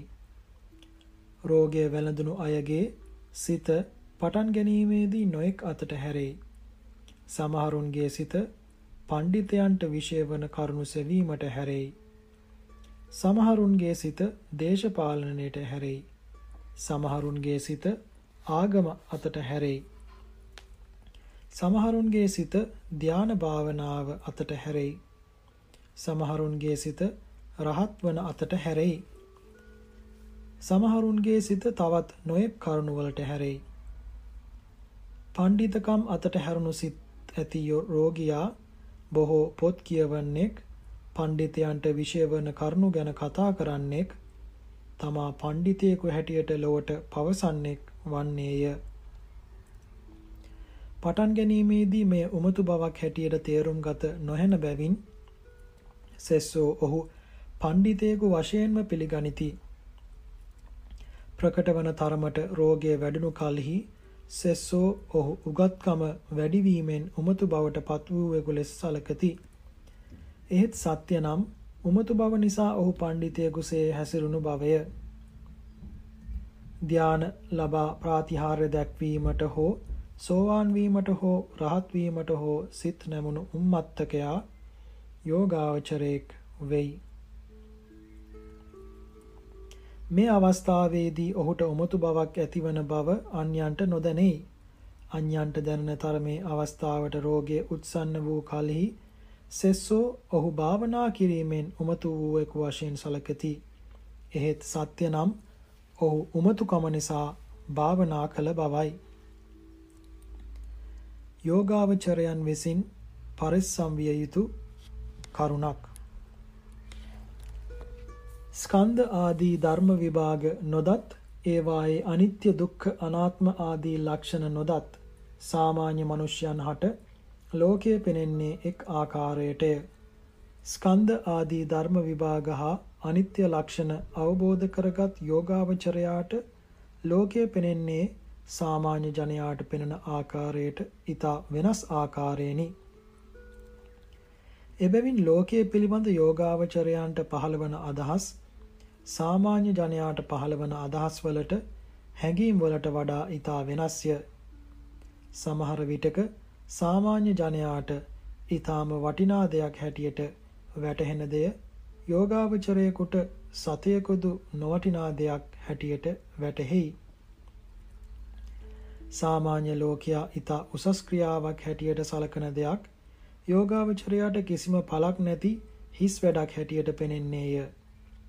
යෝගාවචරයන්ට පෙනෙන හැටියට සත්‍ය වූද ඒ සත්‍ය නොදන්නා ඒ සත්‍ය අනුව ක්‍රියා නොකරන සාමාන්‍ය ජනයා හැය හැසිරෙන යෝගාවචරයා විසින් තමා දන්නා සත්‍ය ඔවුන්ට පවසන්නට ගිය හොත් ඒ සත්‍යයට අනුව ඔවුන්ගේ මධ්‍යයේදී ක්‍රියා කරන්නට ගිය හොත් යෝගාවචරයාට උමතු බවක් නැතිවම උම්මත්තක සම්මුතිය ලැබෙන්නේය.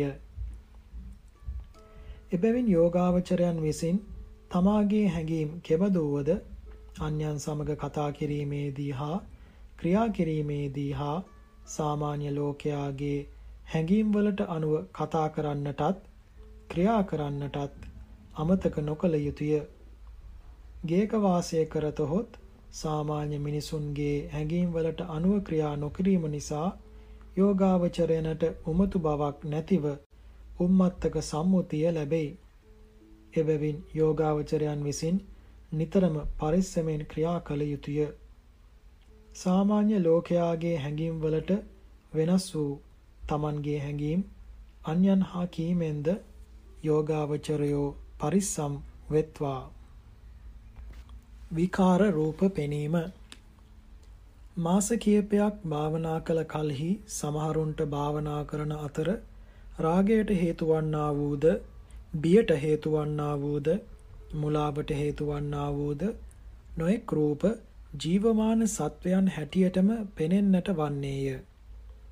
ඒ පෙනෙන දේ සත්‍ය වශයෙන් ඇති ඒවා නොවන බැවින් ඒවාට මුලා නොවිය යුතුය. බියවිය හැකි දෙයක් පෙනුනද එය ඇත්ත වශයෙන් ඇති දෙයක් නොවන බව තේරුම්ගෙන බිය දුරු කරගත යුතුය. කුමක් පෙනුනද ඒ පෙනෙන දේ ගැන සැලකිල්ල නොකොට තමා කරන භාවනාවම කළ යුතුය. පෙනෙන දේවල් ගැන සැලකිල්ලක් කළහොත් ඒවා වඩ වඩා පෙනෙන්නට වන්නේය. එය තමාගේ කටයුත්තට අන්තරායකි. දෙවියන්සේ මිනිසුන්සේ පෙනෙන මේ රූප සමහර විට කතා කරන්නටත් පුළුවන්. ඒවා ගණන් නොගත යුතුය. සමහර විට මතු සිදුවන දෑ කියන්නටත් පුළුවන්. සමහර විට ඒවා එසේම සිදුවන්නටත් පුළුවන්. සමහර විට ඒ පෙනෙන අය යෝගාවචරයනට අනුශාසනා කරන්නටත් පුළුවන්. ඒවා පිළිගෙන ක්‍රියා කරන්නට ගියහොත් අයහපතක් මිස යහපතක් නොවන බව නිතරම යෝගාවචරයන් මතක තබා ගත යුතුය. තමාගේ භාවනාවේ දියුණුව නිසා තමාගේ ගුණයන්ගේ දියුණුව නිසා දෙවිවරු පැමිණියහයි මුලා නොවනු. මේ රූප පෙනීම, ශබ්ද ඇසීම, නොනිදා සිටියදීම සිහින පෙනෙනසේ සිදුවන්නකි. වාතකෝපයෙන් කළු පැහැති රූපත්, පිත් කෝපයෙන් රන්වන් රූප හා දිලිසෙන රූපත්, සෙම්කෝපයෙන් සුදු පැහැති රූපත් පෙනෙන්නේය. යෝග කරන්නා වූ සමහරුන්ට සත්‍ය වශයෙන්මද භූතයෝ පෙනෙති. එසේ පෙනුනත් එය සත්‍ය පෙනුමක්ද ඇසේම විකාරයක්ද යන බව තේරුම් ගැනීම පහසු නොවන බැවින් අස්වාභාවික පෙනීම් කිසිවක් ගණන් නොගෙන හැරීම යෝගාවචරයන්ගේ යහපත පිණිස වෙයි. යෝගාවචරයනට අනුග්‍රහ කරන්නා වූද බාධා කරන්නා වූද භූතයෝ වෙසෙති. සමහර යෝගාවචරයන්ට අනුග්‍රාහක භූතයන්ගේ අනුග්‍රහය ලැබෙති. සමහර යෝගාවචරයන්ට බාධක භූතයන්ගේ කරදර ලැබෙයි. සමහර යෝගාවචරයන්ට මේ දෙකම ලැබෙයි. සමහරුන්ට ඉන් එකකදු නොලැබෙයි. භූතයන්ගේ බාධා නොපැමිණුණු පිණිස ඔවුනට මෙත් වැඩීමත් පින්දීමත් සමහර අවස්ථාවලදී දෙවියන් සතුටු වන ධර්ම සජ්ජායනයත් කළ යුතුය. යෝගාවචරයන් විසින් තමනට සිදුවන ආලෝක දර්ශන, රූප දර්ශන, භූත දර්ශන ආදී විශේෂ කරුණු අන්‍යන්ට කියතහොත් උපදේශයක් ගත හැකි ගුරුවරයෙකුට හෝ එවැනි කෙනෙකුට හෝ තවත් යෝගාවචරයෙකුට හෝ කියනවා විනා අන් කිසිවෙකුට කවදාවත් නොකිය යුතුය. මෙවැනි කරුණු කියන්නට නුසුද්ද නුසුදුස්සන් හා කියන යෝගාවචරයා හට පිස්සෙකි බොරුකාරය කියන සම්මුතිය ලැබෙන්නේය. එයින් තමාගේ භාවනාවටද බාධා පැමිණෙයි. පරිස්සම් වන්න. භාවනා කිරීමට ඊටාම සුදුසු ක්‍රමය නම් භාවනා පිළිබඳ පුරුද්ද ඇති ගුරුවරයෙකු ඇසුරු කරමින් භාවනා කිරීමයි. එබඳු ගුරුවරයෙකු නොලැබිය හැකි කලෙහි පොතපතින් කරුණු දැන උගැනුවද භාවනා කළ යුතුය.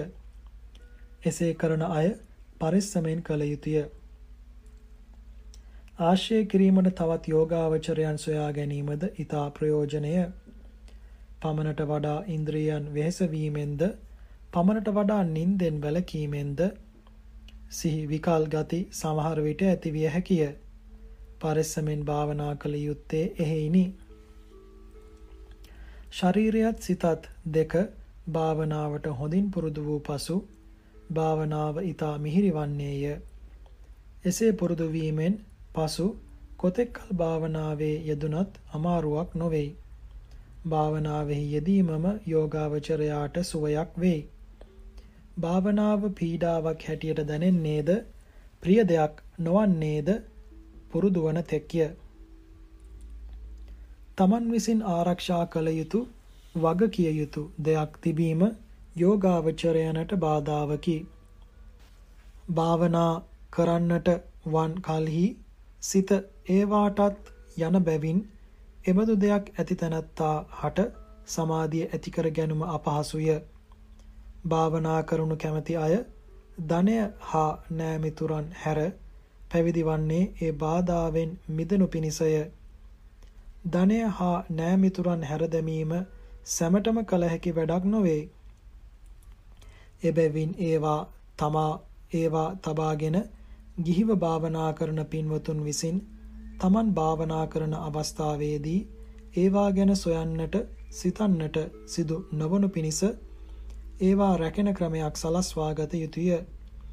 එසේද කරගත නොහැන තැනැත්තා විසින් වන්නක් පිළිගන්නට සූදානම් වී තමන්ගේ සිත දැඩි කළගත යුතුය. කමටහන් දෙන ගුරුවරයෙකු ලැබ ගුරුවරයෙකු ඇසුරු කරමින් භාවනා කරන්නට යන තැනැත්තා විසින් දිනයකදී ගුරුවරයා වෙත එළඹ ගෞරවයෙන් ගුරු පඩුරු පිළිගන්වා පා වැඳ කමටහන් ලබාගෙන ගුරුවරයා නියම කරන ආකාරයෙන් භාවනා කරගෙන යා යුතුය. ගුරුවරයෙකු නොමැතිව පොතපතින් භාවනා ක්‍රමය උගෙන භාවනා කරන්නට පටන් ගන තැනැත්තා විසින් යම් කිසි දිනයක අරුණෝද්ගමන වේලාවේදී හෝ යම් කිසි දිනයක හෝ ශුභ මුහුර්තයකදී හෝ බුදුරුවක් ඉදිරියට හෝ දාබ දාගැබක් සමීපයට හෝ ගොස් මල් පහන් සුවඳදුම් ආහාර ගිලන්පස ආදී පූජා වස්තුූන් අවස්ථාවට සුදුසු පරිදි පුදා තුනුරුවන් වැඳ දෙවියන්ට පින්දී යෝගාවචරයා ගිහියෙක් වේ නම් තිසරණ සහිතව තමන් සමාදන් වන සීලයක් එතනදීම සමාදන් වී එතනම හිඳ හැකි පමණ වේලාවක් භාවනා කළ යුතුය. යෝගාවචරයා පැවිද්දෙක් වේ නම් ඇවැත් දෙසුම් ආදියෙන් පළමුව සිල් පිරිසිදු කරගෙන වැඩ පටන් ගත යුතුය. රුවන්වැලි මහා සෑය වැනි පෞරාණික සිද්ධස්ථානයකදී භාවනාව ආරම්භ කළ හැකි නම් වඩාත් හොඳය. ආරම්භයේදී තෙදිනක් හෝ සතියක් එබඳු තැනකම භාවනා කළ හැකි නම් වඩාත් යහපති. සප්ත විසුද්ධිය සීල විසුද්ධිය චිත්ත විසුද්ධිය දෘෂ්ටි විසුද්ධිය කාංකා විතරණ විසුද්ධිය මග්ගා මග්ග ඥාන දර්ශන විසුද්ධිය ප්‍රතිපදා ඥාන දර්ශන විසුද්ධිය ඥාන දර්ශන විසුද්ධිය යන මේ විසුද්ධි හත පිළිවෙලින් සම්පාදනය කිරීම වශයෙන් විදර්ශනා භාවනාව කළ යුතුය.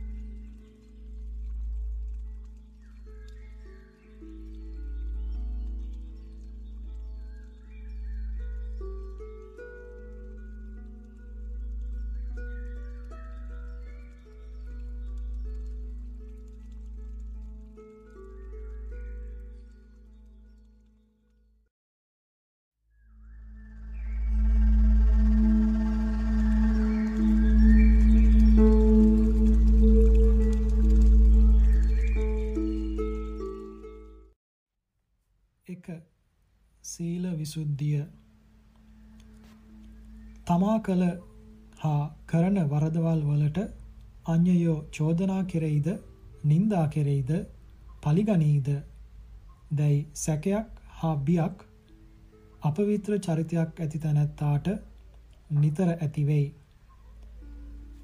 තමා මේ වරද කළේ යයිද කරන්නේ යයිද ඔහුගේ සිත ඔහුටම චෝදනා කරයි. ඒවායින් සිල් නැත්තහුගේ සිත දුබල වෙයි. කීමකින් හෝ දුබල වූ සිත් ඇති තැනැත්තා භාවනා කළේද નિසරු බිම රෝපණය කළ ගස් මෙන් ඒ තනත්තාගේ సంతානෙහි සමාධි ප්‍රඥාව මනවින් නොවැඩිති එහෙන් සමාධි වඩා ධාන උපදවා ගැනීමට හෝ විදසුන් වඩා මගඵල ලබා ගන්නට හෝ බලාපොරොත්තු වන යෝගාවචරයන් විසින් ගසක් වවා ගන්නට යන ගොවියා පළමු කොට බිම සකස් කරන්නාක් මෙන් තමා ගිහියෙක් නම් ගිහියෙකුට අනුරූප පරිද්දෙන්ද පැවිද්දෙක් නම් පැවිද්දෙකුට අනුරූප පරිද්දෙන්ද සිල්වතෙකු වී භාවනාව පටන් ගත යුතුය. ආඥා ව්‍යතික්‍රමන අන්තරායෙන් මිදීමටද සීල පාරිශුද්ධිය තිබිය යුතුය. මෙකල සීලය පිළිබඳ විස්තර දැක්වෙන පොත් සුලභ බැවින් මෙහි එය ගැන විස්තරයක් කරනු නොලැබේ. පෘතජන පුද්ගලයාගේ සීලය ස්ථීර නැත. එය වරින් වර අපිරිසුදු විය හැකිය බිඳිය හැකිය ශීලය ස්ථීර වන්නේ වරද සිදුවීමට හේතුව වන කෙලෙසුන් මතු නූපදිනා පරිදි දුරු වූ කල්හිය. එහෙයින් හැකිතාක් උත්සාහයෙන් සීලය නැවතත් පිරිසිදු කර ගැනීමෙන් භාවනාව කරගෙන යනු මිස සිල් පිරිසිදු කරගත නොහැකිය කියාද භාවනාව නොහල යුතුය. භාවනාවට අනුව කෙලෙසුන් දුරුවත් දුරුවත්ම සීලයද පිරිසිදු වෙයි. සිල් පිරිසිදු කර ගැනීම අපහසු වන්නේ භාවනාව අඩුවන පමණටය. අදිෂ්ඨාන ශක්තිය දියුණු කර ගැනීමත් යෝගාවචරයන්ට උපකාරකය.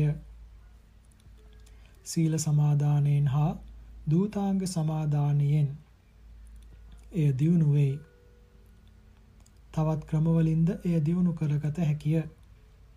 අදිෂ්ඨාන ශක්තිය දියුණු වනු පිණිස දූතාංග සමාදානයත් කළ හැකි නම් යහපති.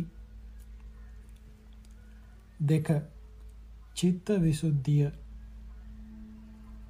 ස්ත්‍රී පුරුෂ සත්ව පුද්ගල ආත්ම ආදී වශයෙන්ම පෙනෙනසේ ඇත්තා වූ සත්‍ය ස්වභාවය නොපෙනෙනසේ සන්තති සමූහ කෘත්‍ය ආරම්මන සංඛ්‍යාත චතුර්විධ ගණයෙන් වැසී පවතිනා වූ නාම රූප ධර්මයන්ගේ ස්වභාව දැන ගැනීම අති දුෂ්කරය. පොතපත උගැනීමෙන් ඒවා පිළිබඳව ලබන්නා වූ දැනුම කෙලෙසුන් නසා මාර්ගඵලවලට පැමිණීමට ප්‍රමාණවත් නොවේ. පොතපත උගැනීමෙන් ලැබුණු දැනුම අනුමාන ඥානයක් මුත් ප්‍රත්‍යක්ෂ දර්ශනයක් නම් නොවේ. මාර්ගඵල ලැබීමට උගැනීමෙන් ලැබුණු දැනුමට වඩා බොහෝ උසස් වූ ඇසට පෙනෙන පෙනීම බඳු ශුද්ධ දර්ශනයක් වුවමනාය. ඒ දර්ශනය භාවනා කිරීමෙන් ලැබිය යුත්තකි. තද දෙයක් කැපීමට සූදානම් වන තැනැත්තා පළමු කොට කටයුත්ත සුදුසු පරිදි ආයුධයක් මෝහත් කරගන්නාක් මෙන් අවබෝධ කර ගැනීමට දුෂ්කර වූ නාම රූප ධර්මයන්ගේ తත්වයේද අවබෝධ කර ගැනීමට සුදුසු වන පරිදි පළමු කොට තමාගේ සිත සකස් කරගත යුතුය. එසේ සකස් කර ගන්නා ලද චිත්තය නීවරණයන්ගෙන් පිරිසුදු බැවින් ඒ චිත්ත විසුද්ධිය නම් වේ. සිත සුද්ධ කර ගැනීම සඳහා කළ යුත්තේ සමාධිය වැඩිමයි. වැඩි වේලාවක් එක් අරමුණක නොසිට අරමුණෙන් අරමුණට පැන පැන යාමේ සිතේ ප්‍රകൃතියයි. වේගයෙන් ගමන් කරන රථයක නැගී යන්නහුට මග දෙපස තිබෙන ද එකකුදු හොඳින් නොපෙනෙන්නාක් මෙන් ඉක්මනින් අරමුණෙන් අරමුණට යන අසමාහිත සිතට යම් කිසි ධර්මයක සැබෑ తත්වය අසු නොවේයි. නාම රූප ධර්මයන් විදර්ශනා කරන කලෙහි හිත ඒවායේ නොනැවතුනහොත් ඉක්මනින්ම අරමුණෙන් අරමුණට ගමන් කරන්නට වුවහොත් ඒ සිතට පරමාර්ථ ධර්මයන්ගේ తත්වය අඩු කරගන්නට අවබෝධ කරගන්නට නුපුළුවන් වනු ඇත. එසේ නුපුළුවන් වන කලෙහි විදර්ශනා ඥානය ඉක්මනින් නොවැඩෙන්නේය. එහින් ඉක්මනින් විදර්ශනා ඥානය දියුණු කරගත හැකි වීමට පළමු කොට සමාධිය වඩා සිත සකස් කරගත යුතුය. සිහියෙන් යුක්තව උත්සාහයෙන් සිත එක අරමුණක පිහිටිය හැකි වූ ඒ ශක්තිය මදින් මද වැඩෙන්නේය. සිතෙහි වූ ඒ ශක්තිය සමාධිය නම් වෙයි. අතරදී අන් එක සිතකොදු ඇතිවන්නට නොදී කැමැති කැමැති කාලයක් මුළුල්ලෙහි සිත් පරම්පරාව එකම අරමුණක පැවැත්විය හැකිසේ දියුණු වූ සමාධිය ධාන නම් වේ.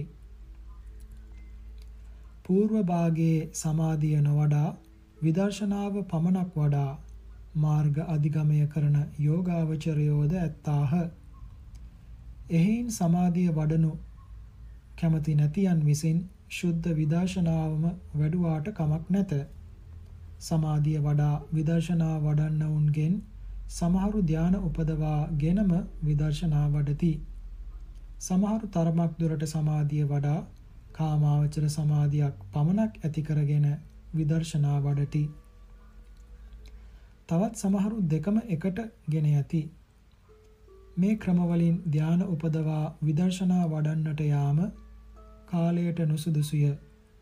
එසේ කරන්නට ගියහොත් විදර්ශනාවට කලක් නොලැබී යා හැකිය හේිනි. දැනට කල යුත්තේ තරමක් දුරට සමාධිය පුරුදු කරගෙන විදර්ශනා වැඩිම හෝ දෙකම එකවර කරගෙන යාමෙන් හෝ විදර්ශනාව පමණක් වැඩිමය. පළමුවෙන් මාස කීපයක් සමාධිය වඩා ඉන්පසු දෙකම කරගෙන යාමේ ක්‍රමය ඊටාම හොඳ ක්‍රමයයි යනු අපගේ අදහසයි. කියවන්නෝ තම තමන් කැමති පරිද්දකින් පිළිපදිත්වා සමාධිය වඩනු කැමති පින්වතුන් උදෙසා ගිහිව ගෙවල් වලදී වුවද පහසුවෙන් කළ හැකි භාවනා ක්‍රමයක් මෙතනින් දක්වනු ලැබේ.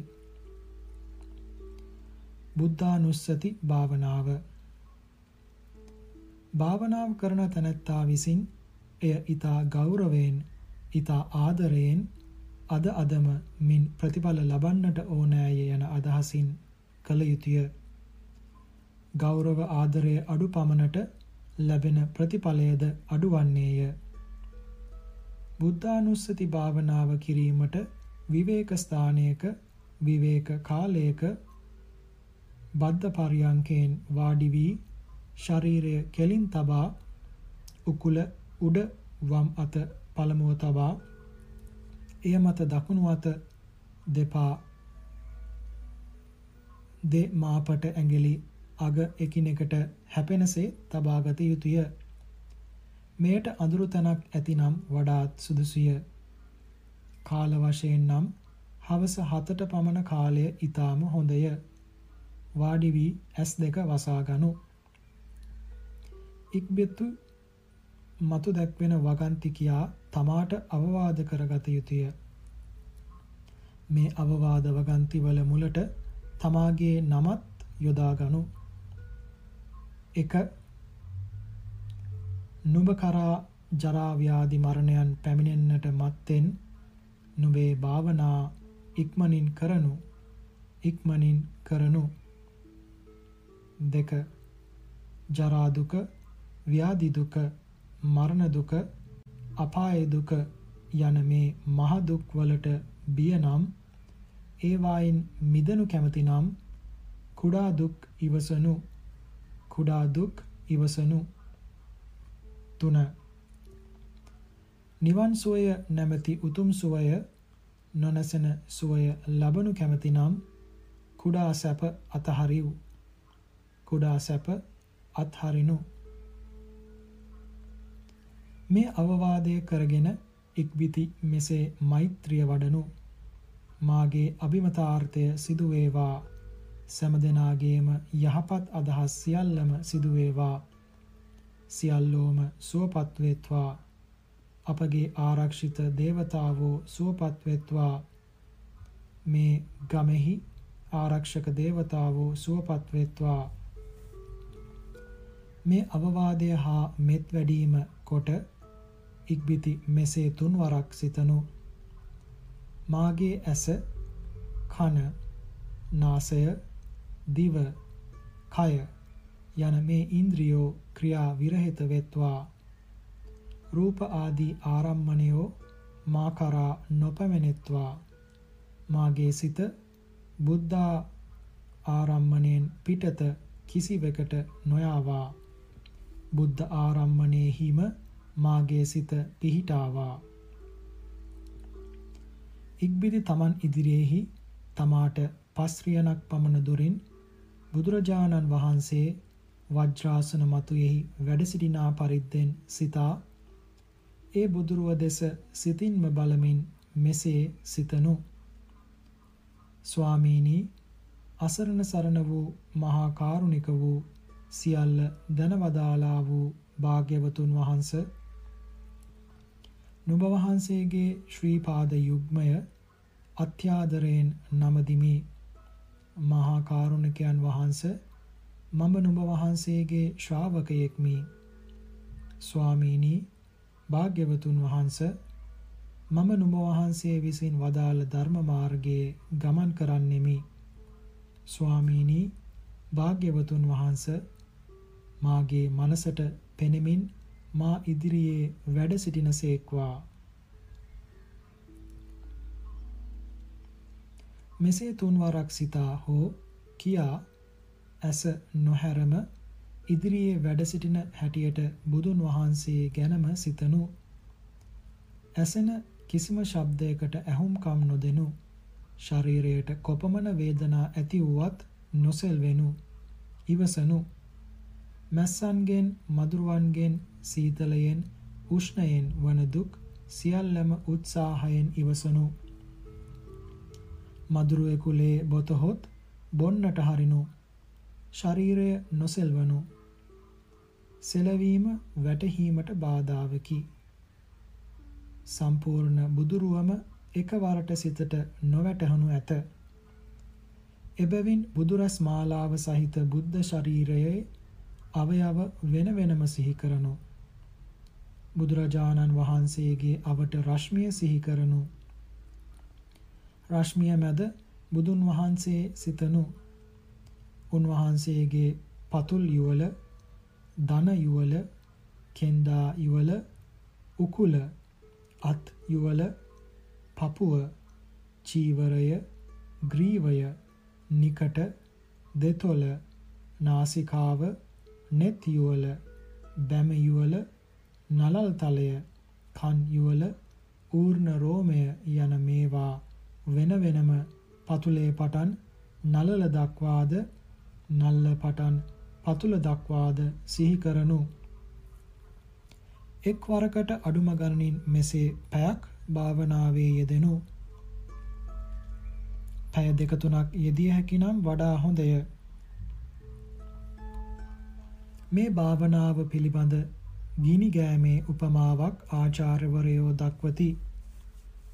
පුරාණයේ මිනිසයෝ ලී දෙකක් එකට ඇතිල්ලීමෙන් ගිනි උපදවා ගත්හ. ගිනි ගෑම නොනවත්වා කළ යුතු වැඩකි. නවත්වමින් ගිනි ගාන තැනැත්තා හට ගිනි උපදවන්නට පුළුවන් නොවේ.